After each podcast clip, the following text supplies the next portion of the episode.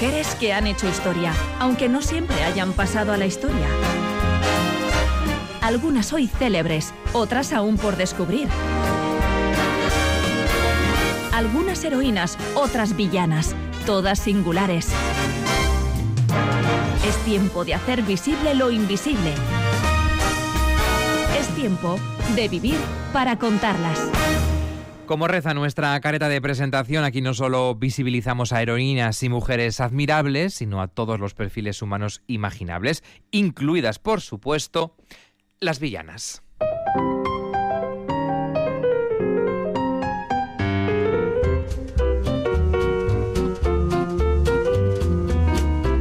Hoy, víspera de la notablemente asentada festividad de Halloween, vamos a hablar de dos mujeres que se convirtieron en la peor pesadilla de las estrellas del Hollywood de los años 30, 40 y 50.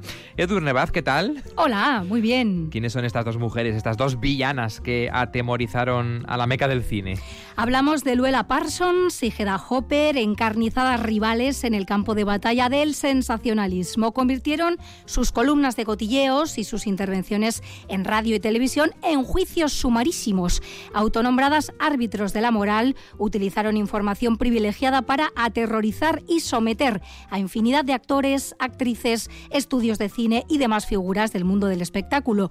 No dudaron en recurrir para ello a la intimidación, el chantaje, la extorsión o el soborno, ni en pasar por alto el rigor o la profesionalidad. Ofrecían, en palabras del periodista y crítico de cine Juan Tejero, chismorreos, insinuaciones, mentiras como pianos y de vez en cuando la horrible verdad. Poderosísimas, manipuladoras, sádicas e inclementes, Luella Parsons y Hedda Hopper elegían qué contar y qué callar y con ello determinaban el ascenso o la caída de los aludidos. Preparad vuestros impermeables porque este episodio de Vivir para contarlas salpica.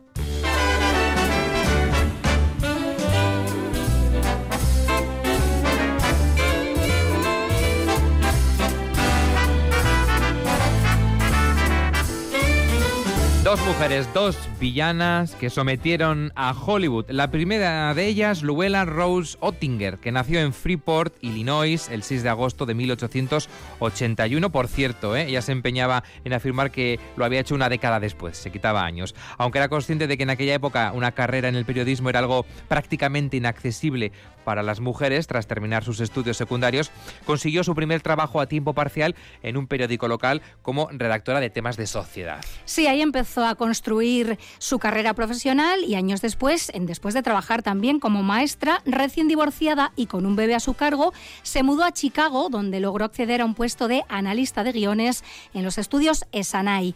Como afirma Juan Tejero en su libro El Grupo Salvaje de Hollywood, como editora, contable, secretaria y en ocasiones incluso actriz, se vio expuesta a virtualmente todos los aspectos de la producción de películas. De hecho, Parsons era una de las pocas mujeres que tenía cargos importantes en la del cine. Sin embargo, Esanay había decidido prescindir del puesto de editor de guiones y contratar a guionistas profesionales. Astuta y superviviente nata, Luella Parsons encontró otro camino. Dio forma a la primera columna de cotilleos en Estados Unidos.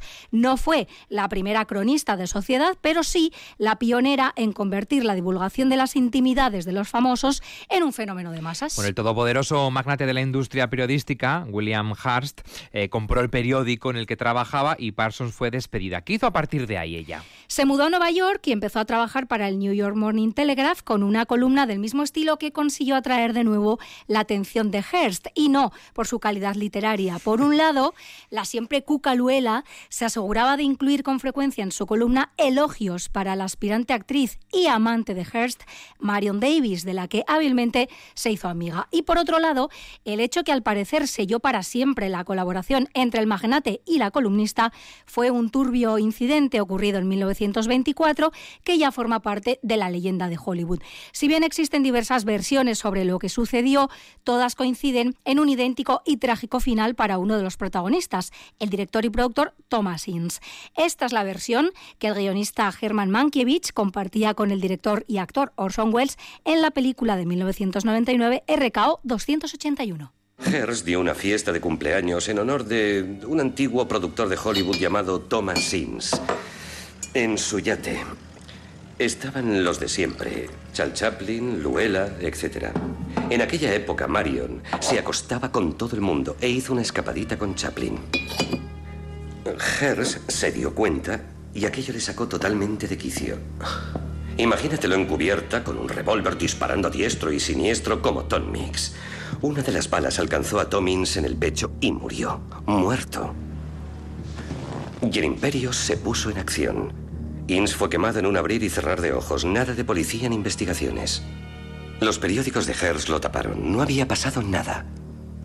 A la mañana siguiente, Hers ofreció a Luela un contrato de por vida que la mantendría calladita.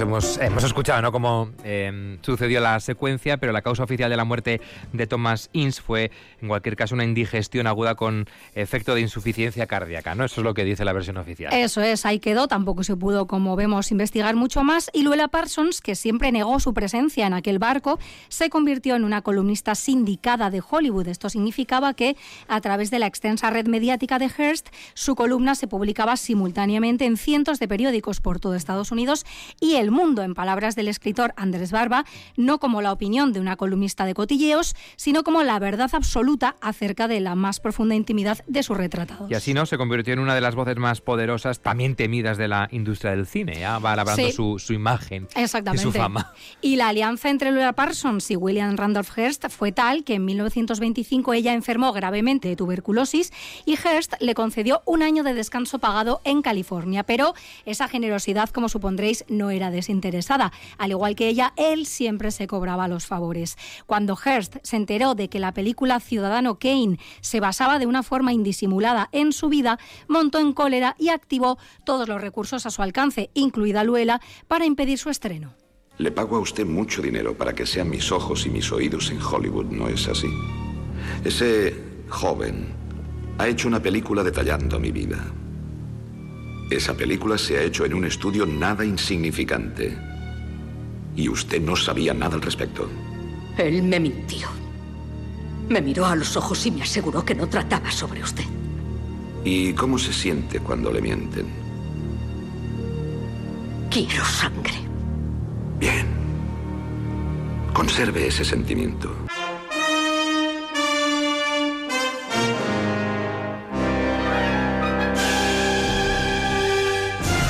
Ahí está, no sé si ese consejo, advertencia, conservar el sentimiento. Y lo conservo, vaya que sí lo conservo, ¿eh? Bueno, Luella Parsons eh, hay que decir que jamás perdonó a Orson Welles. No, no, no, y no era una persona a la que uno quisiera tener como enemiga. Utilizando el altavoz que le proporcionaban los medios de Hearst, consiguió que la proyección de la película Ciudadano Kane se prohibiera en 17 estados y el negativo, así como todas las copias de la cinta a punto estuvieron de ser destruidos. Para ello, Parsons y Hearst recurrieron, como solían, a la amenaza directa a los jefes de los distintos estudios de cine, a la pura y dura extorsión. ¿Qué tenemos aquí, LB? Maricas, comunistas, drogadictos. Tenemos estrellas de cine jodiendo con negros y con niñas. Judíos. Tenemos a Metro, Warner Brothers, Columbia, Disney y Fox. Tenemos a Hollywood. ¿Qué es lo que quiere? Mate, ciudadano Kane. ¿Cómo? Me importa una mierda. Pero el jefe se ha puesto manos a la obra y yo me he puesto manos a la obra. Ahora quiero que todos tus chicos se pongan manos a la obra. Porque si sospecho que esa película va a exhibirse algún día, me encargaré de divulgar esas fotos a los cuatro vientos, como si me fuera la vida en ello porque me juego el cuello, ¿me sigues?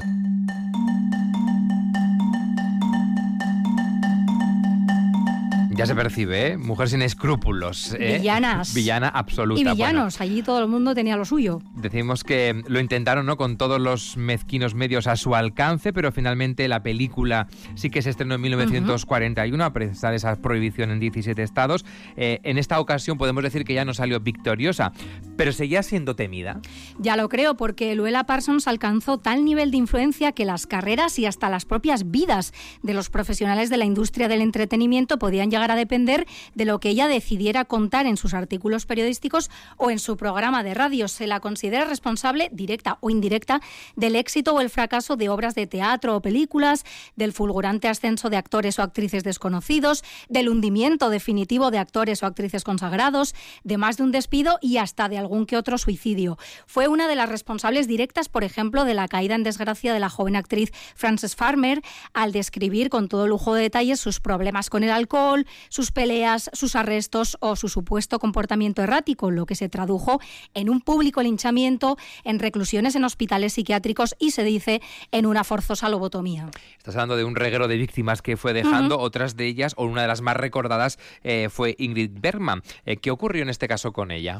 Bueno, Luella Parsons reveló que la actriz había engañado a su marido, el neurólogo Aaron Lindstrom, y que esperaba un hijo del director Roberto Rossellini. La carrera de Bergman se vio terriblemente afectada hasta el punto de que tuvo que pasar varios años alejada de Hollywood en Roma, debido a su miserable querencia por airear morbosamente las separaciones y divorcios de las estrellas de Hollywood. Luella Parsons recibió, entre otros, el sobrenombre de la sepulturera del amor. Bien, es muy descriptivo. Sí, todos los apelativos se quedaban cortos, ¿no? Con grandes dosis de crueldad y sarcasmo hacía públicos divorcios, separaciones, amores clandestinos, triángulos amorosos, embarazos no deseados, adicciones.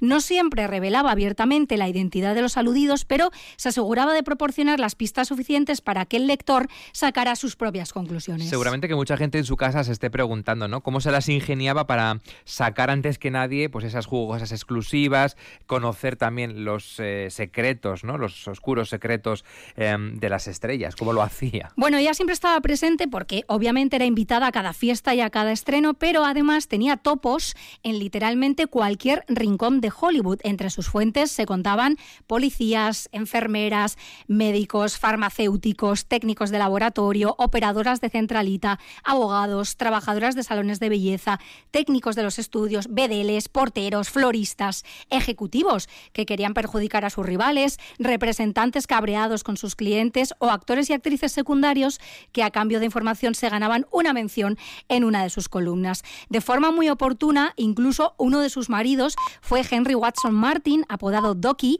que era uno de los pocos doctores de Hollywood en los que confiaban los estudios para resolver, por ejemplo, las enfermedades de transmisión sexual de sus contratados o los abortos de las actrices.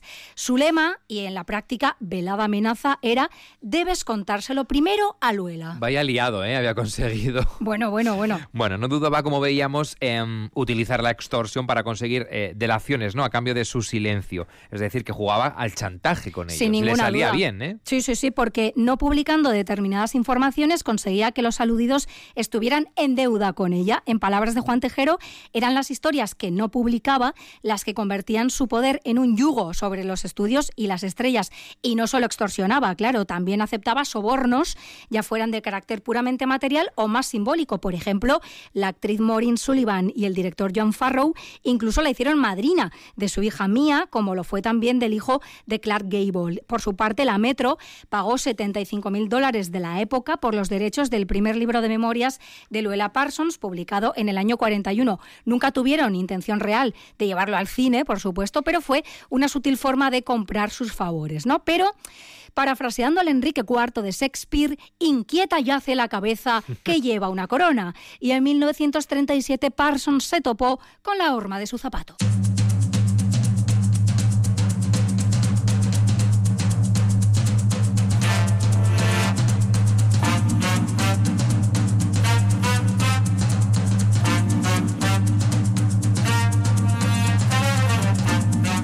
Horma de su zapato, porque el incontestable poder de Luella Parsons fue desafiado por una actriz secundaria reconvertida en columnista de cotilleos, nuestra segunda villana, Hedda Hopper, esta protagonista de este espacio de hoy. ¿Quién era Hedda Hopper? Bueno, Elda Forry, que es el nombre real, a la que luego acabaríamos conociendo como Hedda Hopper, nació en Hollidaysburg, una pequeña comunidad agrícola de cuáqueros en Pensilvania. Huyó de su casa para enrolarse en una compañía teatral con la que se abrió paso hasta hasta Nueva York y allí empezó a trabajar como corista en espectáculos de Broadway. Tiempo después, y como Luella Parsons en su día, Hedda Hopper, recién divorciada y con un bebé a su cargo, inició una carrera como actriz de cine mudo en Hollywood. Durante los siguientes años trabajó en más de un centenar de películas, pero siempre en papeles menores. Yo no era una estrella, reconocería ella años después. Era la mujer malvada que hacía quedar bien a las estrellas. He abofeteado a más niños, derribado más castillos de naipes y echado más rapapolvos a inocentes que cualquier institutriz diabólica en un antiguo orfanato. Aunque ya entonces, y de forma profética, admitía que disfrutaba interpretando a mujeres malas porque las mujeres buenas, decía, son mortalmente aburridas. Bueno, ya iba ella sembrando también, ¿no? Luella Parsons solía mencionar a Hopper de forma amable en algunas de sus columnas, hay que decirlo. sí, aunque ese detalle, claro, no era gratuita. No sé si había algún tipo de acuerdo, pacto de no agresión entre ellas. Tenían un pacto de mutuo beneficio, porque Luella hablaba bien del trabajo de Hedda como actriz y Hedda, con su carácter extrovertido, sus múltiples contactos en el mundo del espectáculo y su presencia física en los rodajes, proporcionaba a Luella información de primera mano. Pese a los elogios de Parsons, la carrera de Hopper no terminaba de despegar y el estudio finalmente la despidió. Cumplidos ya los 50, una Hedda Hopper que había probado diferentes trabajos y que se las veía y se las deseaba para llegar a fin de mes y para mantener a su hijo, decidió cruzar al lado oscuro. Aceptó la oferta de escribir una columna de crónica social y cotilleos que iba a aparecer en Los Angeles Times, uno de los periódicos rivales de Hearst, y en otros 13 periódicos importantes de Estados Unidos. El imperio monopolístico de Parsons fue abiertamente desafiado, pero el plan inicial de los estudios no salió según lo esperado, porque Hopper no se convirtió, como ellos creían, en una voz que neutralizara y aplacara la de Parsons. Ahora eran dos voces paralelas y rivales en el imperio del mal, o para ser exactos, de la maledicencia.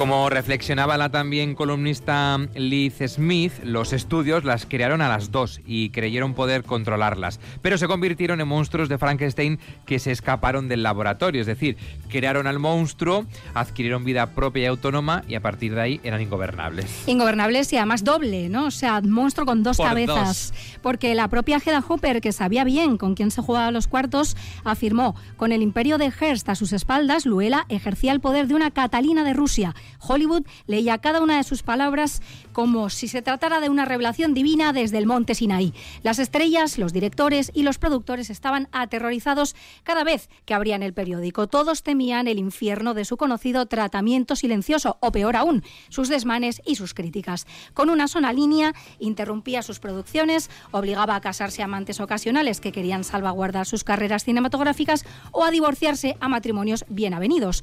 Una sola crítica negativa una debutante de talento se veía obligada a hacer la maleta y volver a su pueblo balacho de origen en el medio oeste. Una crítica positiva y las alfombras granates comenzaban a bailar bajo los pies con la rapidez de la luz. Ya hemos dicho que el poder de Lowella era incuestionable. Eh, ¿Hopper se convirtió en exactamente lo mismo? En lo mismo o peor, si es que esto era posible, ¿no? Porque, bueno, se convirtió de entrada en su absoluta némesis. Se ocupaban de los mismos temas. Los aludidos eran los mismos. Sus prácticas eran idénticamente mafiosas con los chivatos, sobornos y extorsiones que consideraran oportunos. Pero Hopper era, dicen, si cabe, más cruel que la propia Parsons. Ella misma reconocía que sus memorias deberían llevar por título Malicia en el País de las Maravillas, aunque lo más revelador quizás sea que tuviera por costumbre referirse jactanciosamente a la lujosa mansión que se había comprado en Beverly Hills como la casa que construyó el miedo, ¿no? Todo esto lo he conseguido atemorizar. El origen de su fortuna, ¿no? Mientras Luella optaba por la maldad soterrada y disfrazada de misterioso juego de pistas, ¿no? Como decíamos, Hedda se decantaba por la alusión directa y descarnada. Frente a la sobria e insulsa imagen de Parsons, Hopper optó por una estudiada extravagancia con sus enormes y llamativos sombreros que ya convirtió en su marca personal. Una de sus más eh, expeditivas tácticas era presentarse eh, sin previo aviso y en mitad de la noche en casa de sus víctimas. Aparecía allí sorpresa, con las manos en la masa, claro. Ahora en Halloween sería muy bien, ¿no? Sorpresa, truco o trato. sí, no, siempre era trato. Pensadlo bien. No había otra opción con ellas. Bueno, así fue, por ejemplo, como se enteró y robó a Luella la exclusiva, pues de que el hijo de Roosevelt, el presidente, o sea, Jimmy Roosevelt, estaba teniendo una aventura extramatrimonial y que se iba a divorciar. Claro, esto era como lo más de lo más. Bueno, aunque eran enemigas declaradas, tenían en común mucho más de lo que les gustaba reconocer, ¿no? Incluso en términos biográficos. ¿Cuáles son esos puntos de conexión? Bueno, para empezar, las dos eran terriblemente reaccionarias y se tenían con insultante hipocresía por supuestas guardianas de la moralidad. Como afirma Juan Tejero en el Grupo Salvaje de Hollywood, ambas tenían una vida privada que no hubiese podido resistir el escrutinio que ellas mismas practicaban en la prensa. Y el escritor Andrés Barba, por su parte, apuntaba, si Luella Parsons ataca con tanta ferocidad la promiscuidad, la adicción a la bebida y la envidia, es precisamente porque ella misma era profundamente promiscua, alcohólica y envidiosa. Las dos se mostraron... Suele pasar esto, ¿eh? Sí, sí, sí, esta doble moral es un clásico. Y ellas fueron muy la homófobas. doble moral estadounidense, ¿no?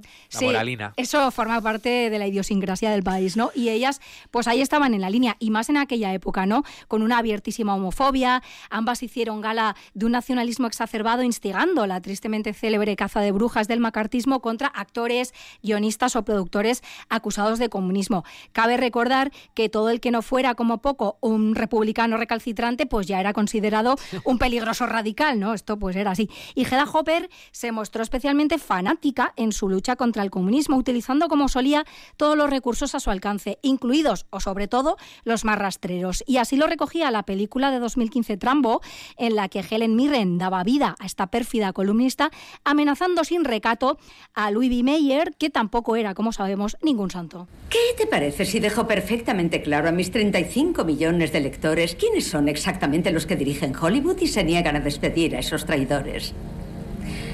¿Qué dirías si doy sus nombres? Los verdaderos. Jacob Berna, Jack Warner, Shmuel Gelfitz, Sam Goldwyn y por supuesto el tuyo, Lazar Meyer. Cuidado con lo que dices de mí. Hace 40 años te morías de hambre en un shtetl. El país más importante del mundo te acoge, te da riqueza, poder, pero si te necesita, no haces nada. Eso es lo que mis lectores esperan de una industria dirigida por judíos. Fuera.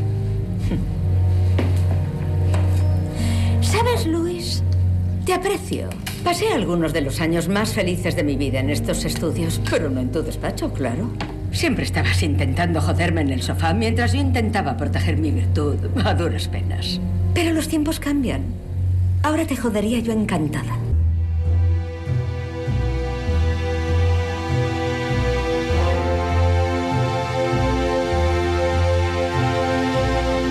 Nadie puede negar que iba de frente, ¿eh? No, no, vamos, Que otra sus cosa no se les puede decir. Sus amenazas eran claras, concisas pero así. claras. Bueno, los conocidos como los 10 de Hollywood fueron en efecto despedidos eh, y tardaron mucho, muchísimo tiempo, ¿eh? los que lo consiguieron en, en levantar cabeza. Sí, porque así se las gastaba ese monstruo bicéfalo, ¿no? Que fueron Luella Parsons y Hedda Hopper. Oye, el reinado de mm, terror, podemos decir, de Luella Ujú. Parsons duró ¿qué? ¿40 años? 40 años tranquilamente, porque ella fue la pionera, dejó de escribir su columna en 1965 y ya su influencia se fue desvaneciendo. Terminó sus días en una residencia de ancianos, víctima de la demencia senil. Se cuenta que seguía sentándose a escribir su columna sin recordar que ya no existía y que se dedicaba a insultar a gritos a los actores que aparecían en las películas que les ponían allí en el geriátrico. Murió el 9 de diciembre de 1972 a los 91 años. Joan Crawford asistió a su entierro para luego afirmar solo fui a comprobar que estaba muerta. Vaya, bien, ya estaba pensando ver qué Eran hizo muy Joan amadas Crawford ahí. en la profesión. si eran amigas,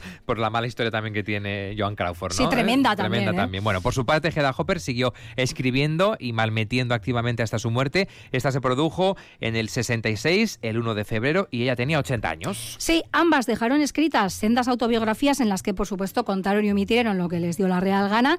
Ambas han aparecido en numerosas películas y series de televisión, ya sea con cameos directos o siendo interpretadas por otras actrices. Y sin duda, ambas podrían ser un perfecto disfraz de Halloween.